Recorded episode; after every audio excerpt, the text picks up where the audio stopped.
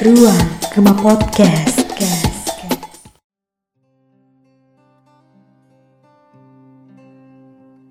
Salam sejahtera Indonesiaku. Salam sejahtera para pendengar Ruang Gema Podcast. Mohon maaf sekali bila vibes pada episode 2 ini sedikit agak sendu, sedikit agak berbeda dibanding episode sebelumnya.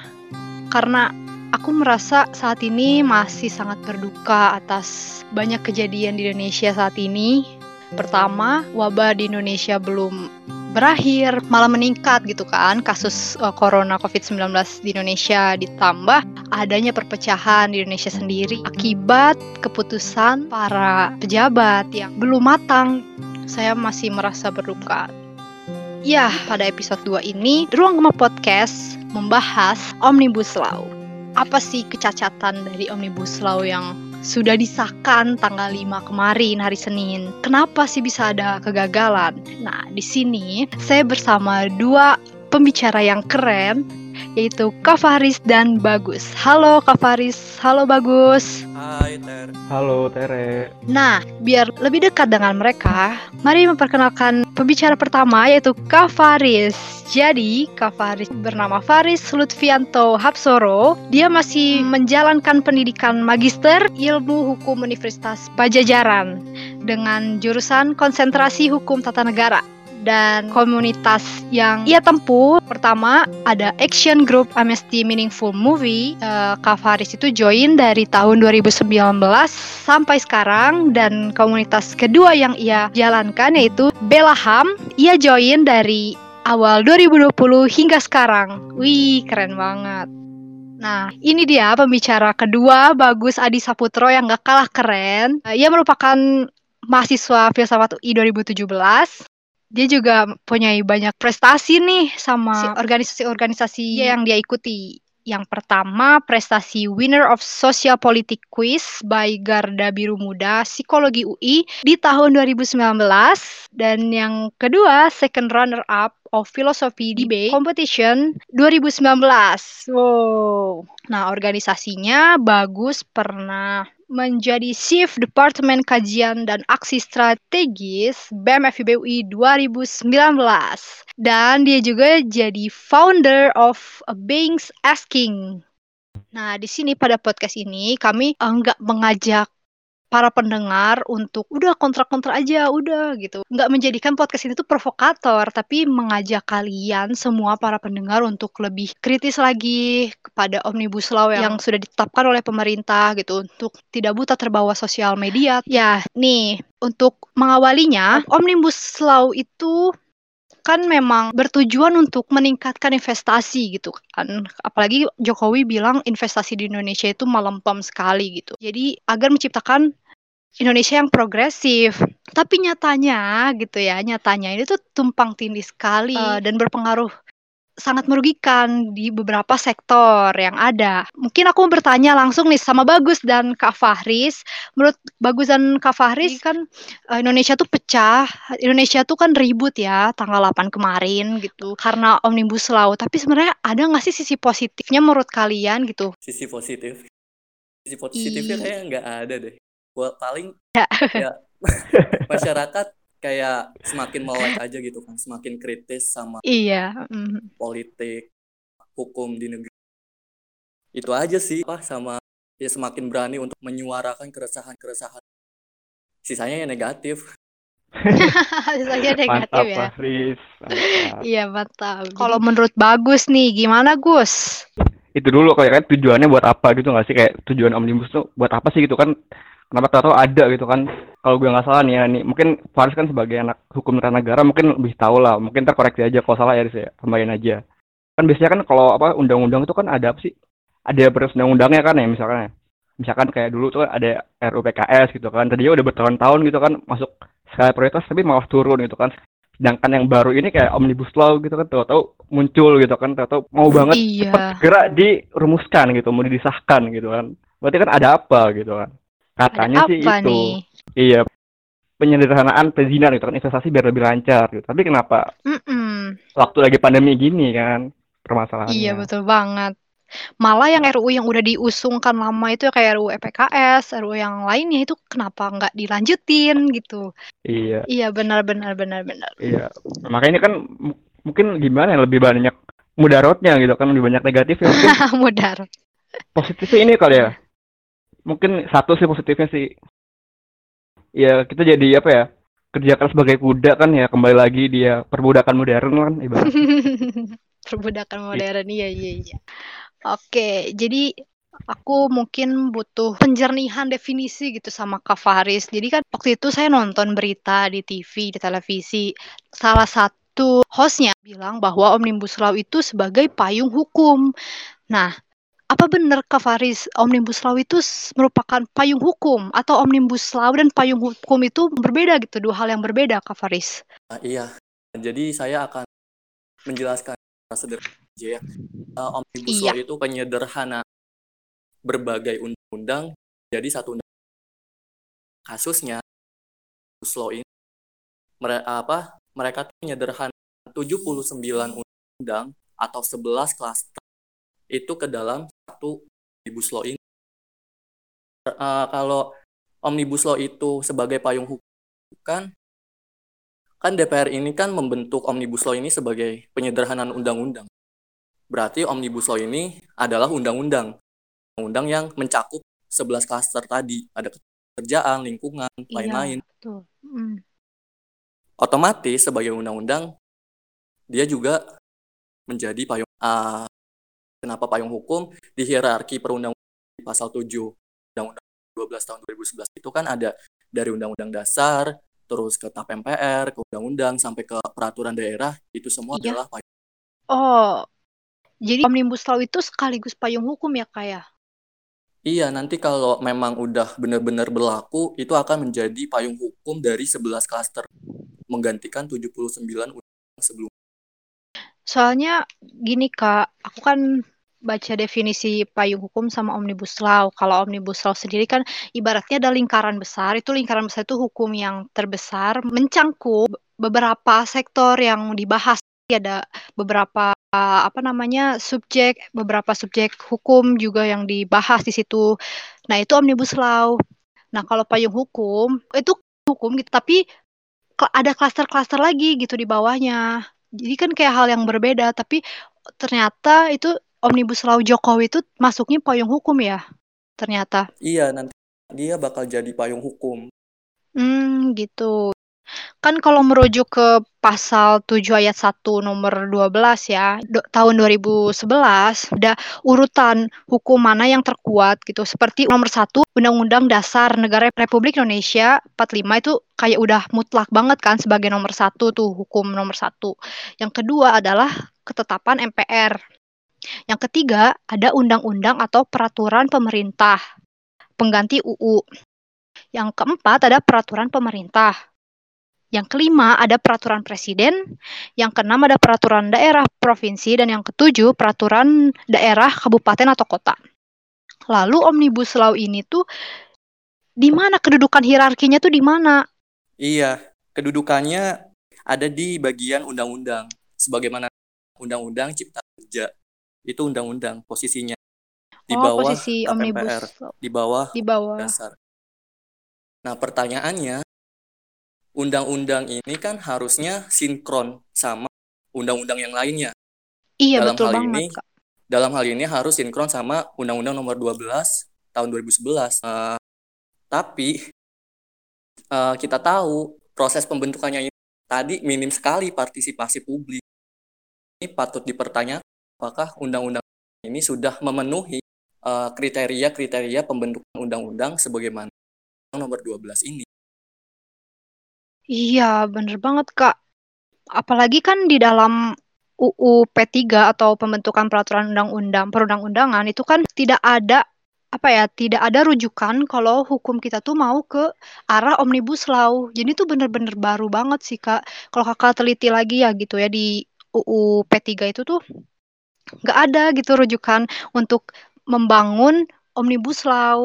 Mungkin kalau misalnya pemerintah gitu, pemerintah ingin membuat omnibus law, seharusnya mereka merevisi dulu nggak sih P3 itu? Sayangnya, uh, tahun 2019 kemarin kan UU 12 ini kan sempat direvisi ini jadi Undang 12 tahun 19. Nah, tapi itu di revisi itu nggak dijadikan sebagai momentum DPR untuk masukkan substansi bagaimana konsep omnibus terbentuk, seperti apa, sistem seperti apa, dan lain-lain itu nggak ada di undang-undang. Nah, berarti pemerintah tuh menyalahkan aturan ya kak harusnya kan pembentukan omnibus law itu harus ada dasarnya landasannya mereka tuh udah salah gitu kan iya iya iya dibilang ya. cacat formil sih ya cacat formil ketahuan sekali sih ketika ditelusuri nggak ada gitu yang merujuk ke omnibus law mm -mm. terus kakak sendiri kan bilang tadi melanggar gitu kayak melanggar asas-asas kayak kenapa tertutup gitu. Ini ini bener banget sih Kak, bener banget. Kalau misalnya emang pemerintah menggaungkan, oh ini demi kepentingan publik, ini demi kepentingan buruh, tapi kenapa nggak ada keterlibatan atau nggak ada partisipasi gitu dalam pembuatan omnibus law? Iya, uh, bener banget. Dari kalangan akademisi pun nggak tahu tuh kabar pembahasan RUU ini. Kita tahu tuh sejak RUU ini diserahin dari presiden ke DPR. Nah, sementara RUU ini kan diusulin sama presiden kan. Mm-hmm. Nah, pembahasan perancangan kalangan pemerintahan itu dari kalangan akademisi pun nggak pernah dengar tuh kabar kabar burungnya kayak gimana. Dengar-dengar tahu-tahu udah ada di DPR. Nah, terus juga DPR ngebentuk satgas omnibus.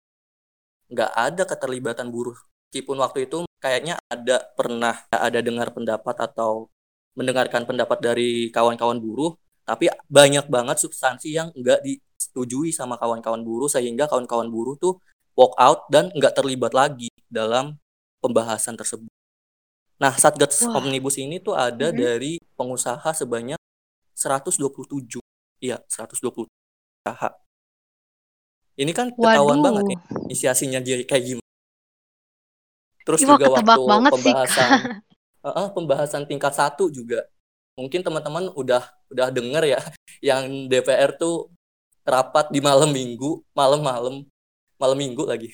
Itu demi di hotel bukan sih? satu undang-undang ini. Wow kejar target banget. Malam minggu. terus juga pembahasan tingkat dua yang agenda hmm. awalnya tanggal 8 Oktober tiba-tiba dimajuin tuh tanggal 5 Oktober jam 2 siang.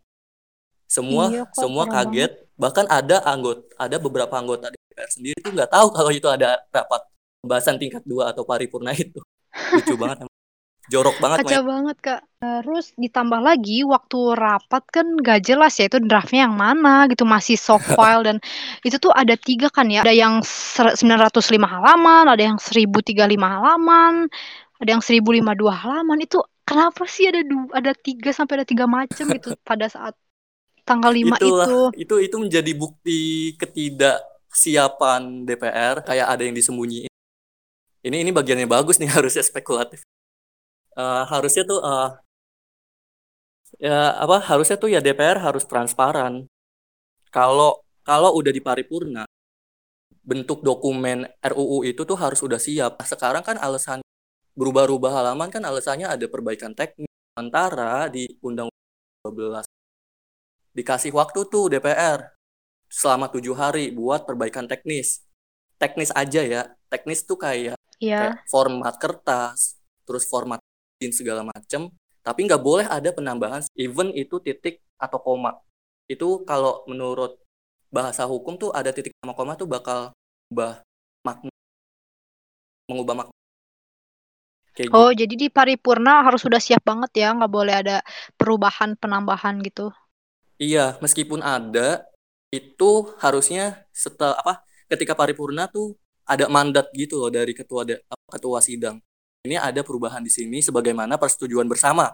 Nah, kalau ini kan enggak. Terus nih Kak, di pasal 170 RUU Ciptaker kalau misalnya ya kalian buka deh kan udah ada tuh, udah keluar tuh. Coba baca yang pasal 170 RUU Ciptaker. Pokoknya dibilang Berdasarkan UU ini, pemerintah pusat berwen, berwenang mengubah ketentuan dalam undang-undang ini atau mengubah ketentuan dalam undang-undang yang tidak diubah dalam UU ini. ini sebenarnya ini menurut saya kayak menurut aku sih ini melanggar hierarki hukum banget. Kan tadi kakak bilang kalau RUU uh, Cipta Kerja ini posisinya ada di undang-undang. Kalau berdasarkan pasal 7 ayat 1 yang tadi loh, yang posisinya hierarkinya di, di undang-undang kan, setara setara dengan undang-undang. Nah berarti kan nggak boleh, iya nggak boleh, berarti nggak boleh kan di diubah sama pemerintah pusat gitu. Ya nggak sih kak? Iya, uh, pertanyaannya uh, pemerintah pusat ini maksudnya bentuk hukum dari pasal 170 yang dihasilkan dari pemerintah pusat ini bentuknya apa? Peraturan pemerintahkah? Keputusan presidenkah? Atau apa? Hmm. Itu nggak jelas juga. Nggak jelas Terus banget. kedua, mm -mm, bener banget itu kata kamu. Kalau itu melanggar hierarki di pasal 7 Undang-Undang 12 tahun 2011. Uh, harusnya setiap undang-undang itu kan harus sinkron sama undang-undang.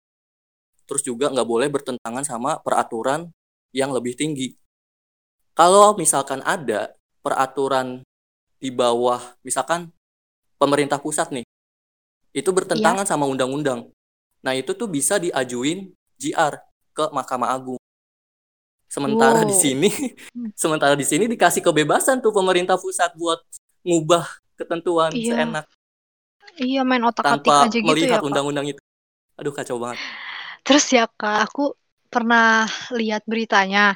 Jadi Menteri Hukum dan HAM bilang kalau itu typo yang di RUU Ciptaker pasal 170 tadi itu typo bilangnya cuman iya. Masalahnya gini kalau typo kok cuma di dua pasal itu ya di dua ayat itu ya kenapa nggak nggak keseluruhan juga ada typo gitu kan itu aneh banget kak Ngerti iya ini kak? juga pasal 170 nih di draft yang mana ini Iya pusing Pasal banget. 170 ini di draft yang mana? Terus kalau dengan alasannya Kacau. Pak Yasona tadi dengan alasan typo, wow, negara apa ya kayak ini nasib orang loh. Nasib orang digantungin gini, nggak ada kejelasan dengan alasan typo. Itu sama sekali nggak ada kepastian, nggak ada ketegasan dari hukum itu sendiri. Dan marwah hukum sebagai tujuan hukum sebagai kepa, apa yang memberikan kepastian itu hilang gitu. Nggak ada lagi. Enggak masyarakat tuh nggak bodoh. Woi jutaan orang ini cuma apa nasibnya iya. tergantung-gantung dan bakal bakal kena apa bakal tereduksi hak-hak kita dengan alasan typo. Wow jadi Omnibus Law itu ya selain cacat secara formal, selain uh, cacat secara, secara prosedur gitu ya. prosedur. ya. Prosedur di dalam hukum itu juga para pejabat main-main gitu. Mereka tuh nggak mau ngaku salah. Iya, Daniel. Kelihatan banget kan para pendengar kalau Omnibus Law itu cacat gitu teman-teman. Terus juga ada wakil yang Pak Aziz Syamsuddin tuh bilang sumpah-sumpah demi Allah itu udah sesuai prosedur demi Allah begini-gini kita udah tahu. Apaan sih? Kita nggak butuh perkataan itu. Kita nggak butuh sumpah-sumpah kalian gitu. Kita butuh transparansi yang nyata. Nggak butuh mistifikasi Bener. judge kalian. Kita udah transparan segala macam. Mana bukti transparannya? Kan kelihatan banget kalau omnibus ada konflik untuk kalangan tertentu aja. Iya itu. Itu juga tuh bagian terpenting yang direduksi. Bagian pengawasan terhadap para pengusaha. Di hmm, UU iya. 13 aja itu pengusaha banyak yang bandel pengawasannya juga masih minim masih banyak kekurangan omnibus mereduksi hal ini pengusaha iya. tambah liar lagi dilemahkan sekali ya kak Baik, mungkin uh, kita ke bagus kali ya. Halo. Bagus nih melihat dari fenomena yang ada di masyarakat kan ada yang pro, ada yang kontra gitu. Gimana sih pandangan bagus terhadap fenomena ini? Sebenarnya ya emang ada yang pro, ada yang kontra gitu kan. Sebenarnya kita cenderung kontra gitu karena peka gitu terhadap situasi sosial politik itu di Indonesia. Kenapa undang-undang ini baru beberapa bulan gitu kan diajuin tapi udah masuk. Hmm. Nah, yang pro ini antara pertama mungkin mereka nggak peka dengan situasi mikir oh ini ini kayak nggak bakal pengaruh ke gue jadi kayak bodoh amat gitu kan jadinya kan padahal hmm. itu dibagi lagi tuh sebelas cluster cluster itu kan banyak gitu bukan cuman ketenaga kerjaan ada juga kayak riset gitu kan terus ada juga UMKM dan kooperasi ada juga tentang perenahan bukan berarti kalau nggak nggak berdampak ke kita bukan berarti itu nggak akan berdampak ke depannya gitu bisa jadi ke depan ada makin banyak undang-undang kan yang makin bermasalah gitu kan. Yang kedua juga bisa jadi orang-orang yang pro ya, bisa jadi ya. Kan gue mencoba memahami dulu ya kenapa orang-orang bisa pro gitu kan. Ya mungkin dia kayak nggak mau trigger gitu kan, merasa apa ya, merasa edgy gitu, merasa wah gue kritis nih kenapa sih orang-orang kayak belum baca apa sih emang udah pada pada baca gitu kan draftnya gitu kan ceritanya buat nah emang, emang udah udah baca gitu lah belum. Nah gimana sih nyuruh orang komentar orang kayak gitu tapi dia belum baca gitu kan baru mau baca gitu. Padahal yang mau dibaca juga apa kan draftnya juga kayak gitu gitu. Nggak tahu mana yang benar gitu kan ada yang seribu ada yang berapa gitu. tapi kan ada apa ya ada kajian gitu kan. Ada kajian misalkan dari SIS itu kan chips atau sebagainya atau atau kajian misalkan dari dari FHUGM gitu dari dari Unpad mungkin ada ITB, ITB UI gitu kan. Bisa kita telusuri gitu sih. Kalau yang kontra ya mungkin mereka udah itu sih udah udah tahu gitu kan kalau ini sih bermasalah gitu kan karena dari prosedurnya yang tadi dibilang Kak kan ini banyak banget kayak catatannya gitu. Intinya mereka tuh harus peka gitu sih sama apa yang terjadi jangan kayak nolak-nolak aja atau menerima aja gitu sih. Jadi kalau misalnya ada keputusan lagi nih sama pemerintah jangan dulu ke bawah berita, misalnya jangan dulu ke bawah sosial media, itu kan bisa mempengaruhi ke hal yang sesat gitu. Coba kaji terlebih dahulu, karena yang kontra juga belum tentu kontra karena isinya, tapi bisa juga dia kontra karena dia ke bawah emosi, tersulut emosi, mungkin gak suka sama seseorang di situ gitu kan. Yang pro juga belum tentu dia baca, bisa juga dia terbawa juga kan. Jadi benar-benar harus dikaji lagi. Yeah. Yang soal kerusuhan ini nih Gus, yang kerusuhan tanggal 8 terus Selasa kemarin menurut bagus ya sebagai pengamat ada tunggangan-tunggangan gitu nggak? Misalnya ditunggangin kah atau bagaimana kah menurut penglihatan bagus? Halo, iya, bukan berarti yang gue bilang ini ini apa ya, demo-demo yang yang besar tuh biasanya emang rawan ya, tapi bukan rawan ditunggangi, tapi bukan berarti ini gue memaklumi atau itu hal yang wajar ya. Berarti demo kan apa ya, tujuannya kan buat itu nggak sih kayak karena ada sesuatu yang salah nggak sih? Karena ada mempertahan ingin mempertahankan sesuatu ingin atau ingin mengubah sesuatu gitu. Karena uh, omnibus law ini kan bermasalah karena banyak banget apa hal yang berdampak negatif gitu kan. Dia malah mengurangi kesejahteraan atau mereduksi hak-hak sipil masyarakat gitu. Makanya mereka demo gitu. Karena karena apa ya? Karena sistem kita kan nggak itu nggak berfungsi kan. Checks and balance kita nggak berfungsi kan yudikatifnya. Udah eh, eksekutif yudikatif sama legislatifnya begitu kan kalau misal eh kalau ada yang salah misalkan di U-nya silahkan ke silahkan di GR gitu kan. Nanti diputusin di sana. Padahal berulang kali gitu kayak dulu kan juga ada kan yang UMD 3 atau yang kebakaran hutan juga nggak ah, dilakuin iya, sama iya, pemerintah iya. gitu kan. Hasilnya juga ya nggak tahu sampai sekarang gimana kelanjutannya gitu makanya ini ya demo ini salah satu apa ya akhirnya salah satu caranya gitu mau siapa pun itu yang menunggangi tapi emang ini bentuk protes bahwa ada iya. yang nggak benar kan keresahan keresahan masyarakat gitu kan mm -mm. dan juga ini caranya biar itu apa ya biar seakan-akan nggak dipandang negatif ya kita dalam suatu menyusun satu gerakan tuh harus dikonsolidasikan dulu sama banyak elemen itu kan dari dari NGO lah dari masyarakat sipil dari mahasiswa itu mm -hmm. biar satu biar biar apa ya ya mengurangi cap-cap yang kayak gitu kan padahal tujuannya baik gitu malah di labelin negatif. Tapi ya menurut bagus demo yang kemarin ya yang turun ke jalan itu sampai yang... makan ada korban loh sampai ada yang meninggal. Di Bandung juga ada pas di Bandung dilemparin oh, kan di, ya? di Unisba dilemparin ke kampusnya padahal nggak boleh kan masuk ke kampus. Kalau oh, polisi iya, gitu. banget Iya iya polisi terus nonjok satpam juga parah banget sih barbar. Nah menurut bagus ini berhasil nggak sih? Apalagi presiden itu uh, dia menekankan 30 hari bakal ditekan gitu hmm. omnibus law ini menurut bagus berhasil nggak sih demo yang selama ini kita gaungkan walaupun ada yang di sosial media, hmm. di jalan menurut bagus ini gimana? Sebenarnya gimana? Jalan menuju kebenaran gitu kan atau perjuangan tuh nggak semudah itu sih emang bukan jalan yang singkat bukan jalan yang gampang sih cuman ya kita lihatlah ke prosesnya gimana kalau apa yang kita lakuin tuh sedikit demi sedikit tuh pasti akan akan berdampak kok gitu kan. Dengan cara iya. kayak gini kan akhirnya kayak pemerintah kan mulai apa klarifikasi gitu kan. Kayak youtuber youtuber gitu kan. Setelah ada masalah baru diklarifikasi gitu kan. Ya walaupun klarifikasinya kayak gitu. Dan ya kalau masalah yang aparat itu gimana ya? Sebenarnya dari, dari dulu kan emang aparat itu tuh menggunakan abusive power gitu kan yang eksesif gitu. Mungkin nanti Faris bisa jelasin lebih lanjut lah. Dia kan di NGO juga kan yang ngebahas tentang iya, ini makin makin makin kelihatan gitu kalau pemerintah nih nggak punya etikat baik dalam arti kayak untuk mementingkan rakyatnya gitu harusnya ya nggak kayak gitu dong. Kemarin juga ada yang ditangkap karena masalah hoax gitu kan. Padahal ya draftnya aja nggak ada. Kemarin iya. di di Kompas TV gitu kan ya ditanya kan soalnya ini kenapa? Dasar dasarnya apa hoax? Ya karena undang-undangnya ya undang-undangnya emang draftnya nggak ada gitu. Ya dari aparatnya kan ya kebingungan sendiri jawabnya muter-muter doang gitu. Dia juga berarti dasar ada penahanannya itu nggak jelas gitu tapi udah ditahan udah dipukulin gitu kan itu gimana itu masih orang-orang. Kacau jadinya. Oh iya Kak Faris tadi kan bagus sempat nyinggung abusive power. abusive power. Itu gimana Kak Faris?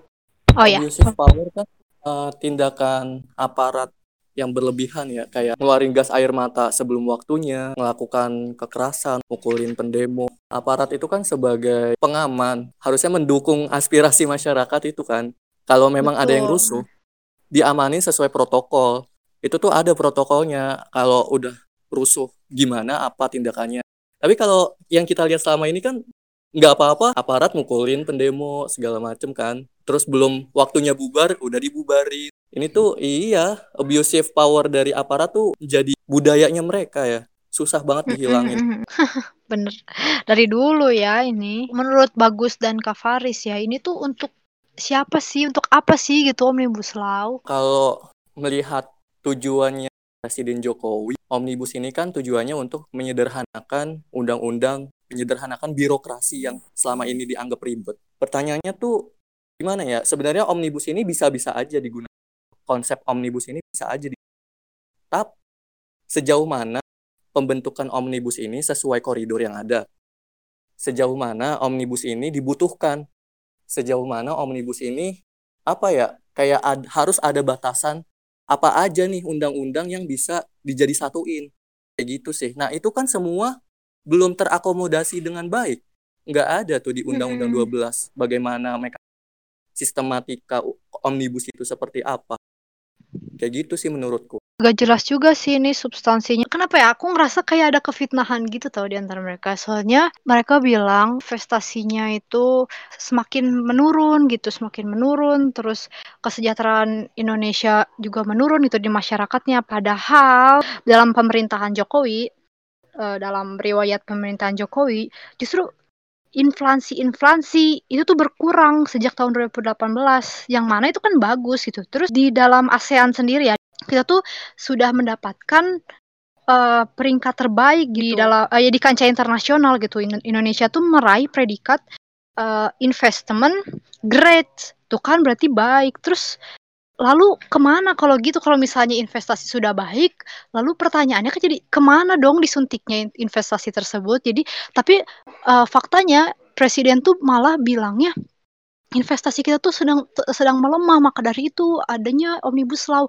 Tapi justru jika dilihat statistikanya bagus investasi di Indonesia tuh nggak berkurang. Jadi kan justru ini ada apa? Mas sebenarnya ini kayak apa ya? Lebih ke mereduksi undang-undang jadi kayak substansinya tuh kurang gitu. Dan juga kan katanya iya. simplifikasi gitu kan. Tapi sebenarnya tuh nanti kalau nggak salah ya gue ini gue baca di, di kajiannya FUGM nih mungkin nanti Faris bisa benerin kalau mungkin salah gitu kan.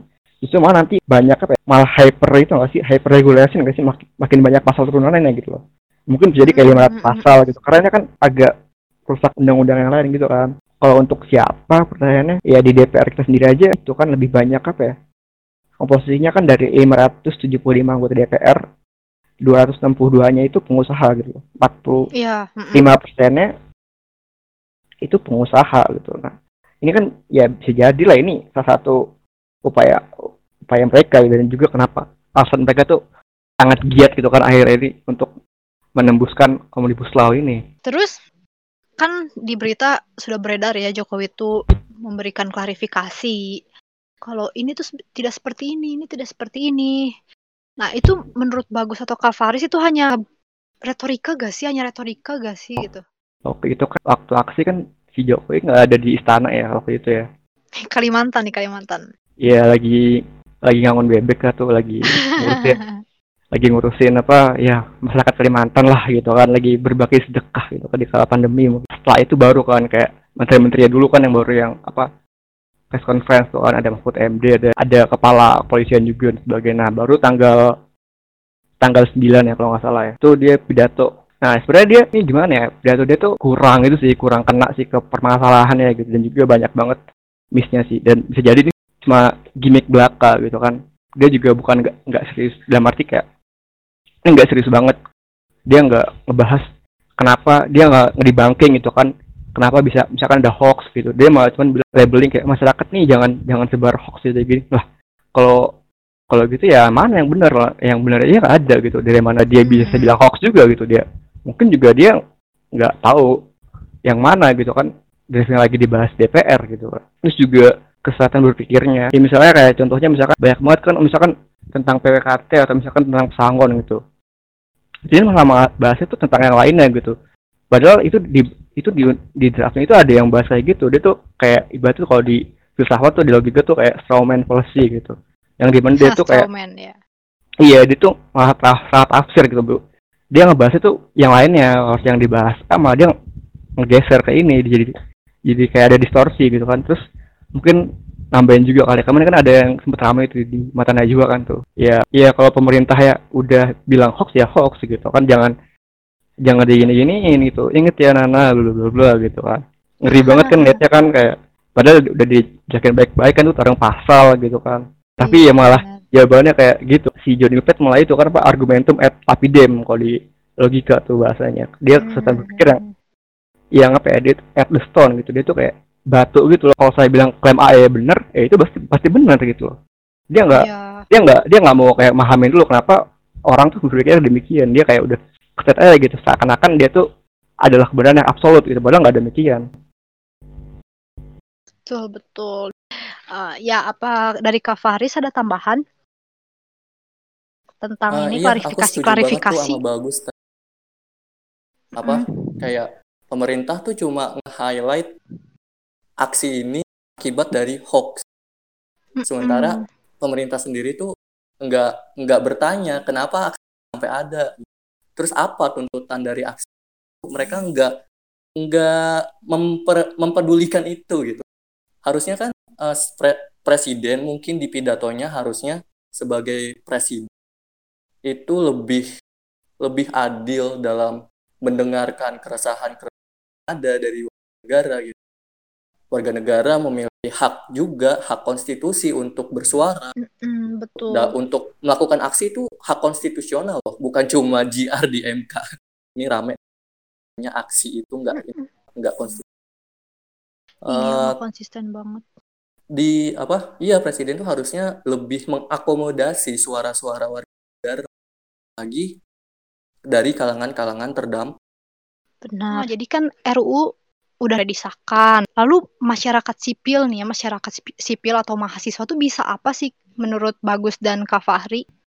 Iya sebenarnya ini suatu hal apa ya, yang, yang dampaknya bisa bermasalah banget kalau dibiarin gitu kan. Jika misalkan ini beneran udah resmi gitu kan. Nah, gimana cara kita buat itu ya mengatasinya gitu atau mungkin apa yang bisa kita lakukan gitu ya. Iya, apa yang bisa kita lakukan? RUU Cipta Kerja itu sudah disahkan gitu. Menurut tetap ya ber- bergerak bersama gitu kan, bersatu padu lah gitu kan, beraliansi gitu. Menolak dia berbagai elemen karena ini benar-benar merugikan masyarakat banyak loh, bukan cuman bukan cuman buruh doang, itu juga banyak. Kayak masyarakat adat juga kan ada dampaknya. Dan mungkin juga nanti pengaruh juga kayak UMKM kan karena kan ada juga di di cluster omnibus law. Ya tetap menyuarakan lah baik di media sosial maupun ya di aksi gitu sih. Tetap tetap bersatu lah jangan jangan gampang terpatahkan dengan omongan pemerintah yang mengada-ngada gitu lah. Kritis tetap belajar bersama-sama buat bergerak gitu. Iya. Kalau dari Kak Fahri sendiri nih udah disahkan nih Kak RUU-nya. Iya, eh, sebelumnya aku mau eh, ya ngasih informasi aja nih. Pengesahan dari presiden itu cuma sebatas apa ya kayak prosedur teknik teknis aja gitu. Jadi presiden mau tanda tangan atau enggak itu undang-undang eh RUU tuh bakal jadi undang-undang gitu. Nah, Hmm. pertanyaannya apa yang bisa kita lakukan? Terus mendesak DPR untuk merevisi undang-undang itu gitu. Itu itu kalau dari kalau untuk ke DPR-nya ya. Terus kalau untuk ke presiden kayaknya susah kalau presiden itu buat perpu untuk membatalkan RUU Omnibus Law. Kenapa? Karena kita tahu Omnibus Law ini diusulin dari presiden. Hmm, Uh, terus benar-benar. juga kalau mengubah dari lewat perpu juga itu nggak membatalkan serta merta langsung batal gitu. Perpu ini ribet urusannya. Perlu disetujuin dari DPR lagi baru jadi Waduh. undang-undang. Kalau nggak disetujuin sama DPR, perpu itu batal. Jadi sia-sia aja tuh perpu. Nah, terus juga uh, masyarakat bisa ini terutama masyarakat masyarakat sipil dari NGO sama mahasiswa itu mungkin bisa kerjasama untuk apa ya menyusun permohonan judicial review ke Mahkamah Konstitusi. Ini kalau ngelihat hakim MK seperti apa itu beda cerita lagi, tapi aku sendiri pesimis sih.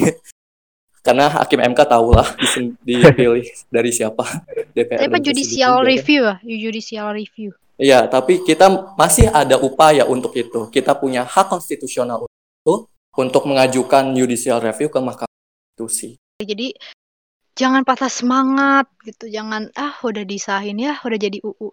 Nah, tapi gini kan ada ya siapa aku lihat di berita kalau bagi yang ingin menolak, bagi yang uh, merasa ini ada yang salah, kalian bisa menghadap ke MK. Waduh, bagus mungkin tahu ya gimana ya? Iya, begitulah ya. Seperti yang tadi gue udah bilang kan, kita sistem check and balance-nya aja nggak nggak berfungsi gitu loh. Masih masih masih masih percaya dengan sistem yang kayak gini gitu, yang yang semeraut kayak gini gitu. Sistemnya udah udah rusak. Kita harus itu harus saling menguatkan antara segala elemen masyarakat itu dari NGO masyarakat, buruh, sebagainya itu harus bersatu makanya akademisi juga bersatu semuanya terus aku tuh sedih banget ya kak ketika ada teman yang apatis banget.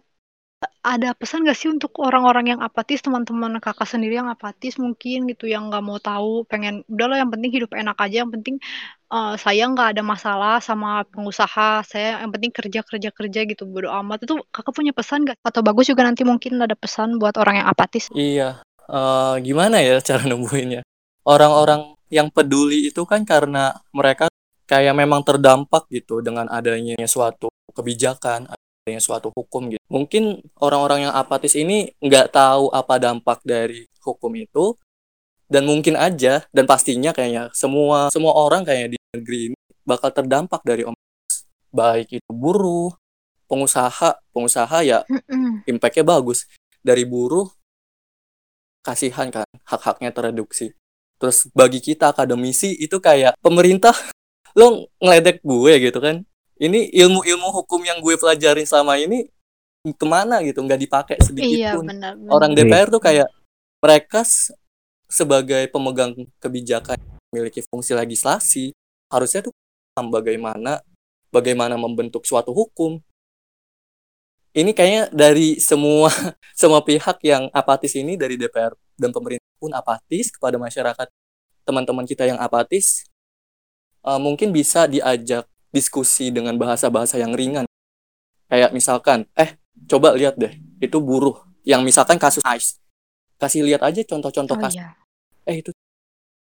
Lo mau tahu nggak kenapa buruh tuh setiap tangga apa setiap hari buruh tuh pasti demo? Terus ada demo omnibus tuh kenapa ini? Karena kasus kasus ini aja kemarin yang kasus ICE itu omnibus belum berlaku apalagi omnibus berlaku.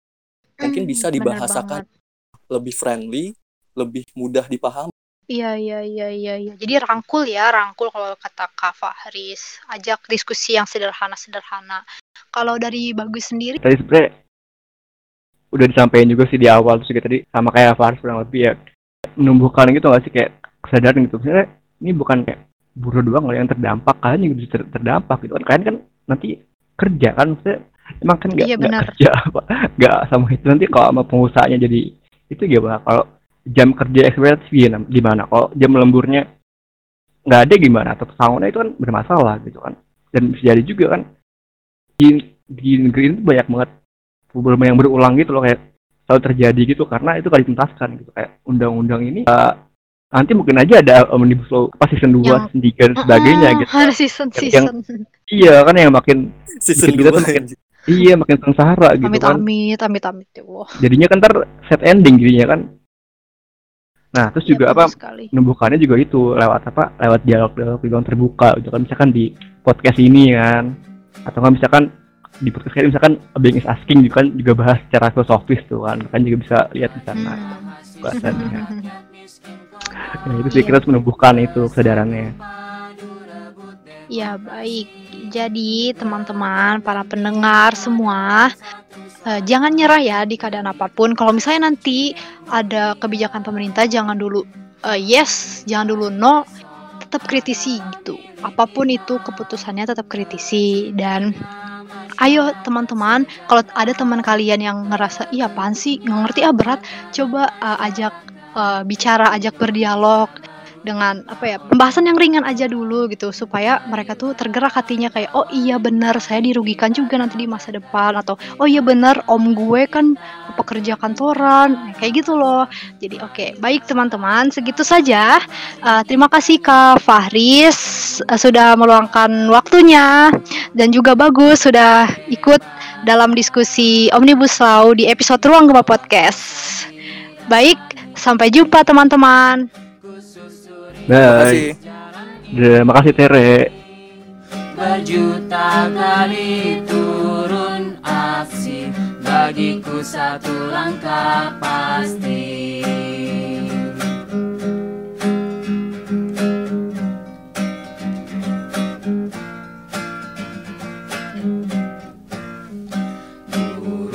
mahasiswa rakyat miskin kota. Bersatu padu rebut demokrasi.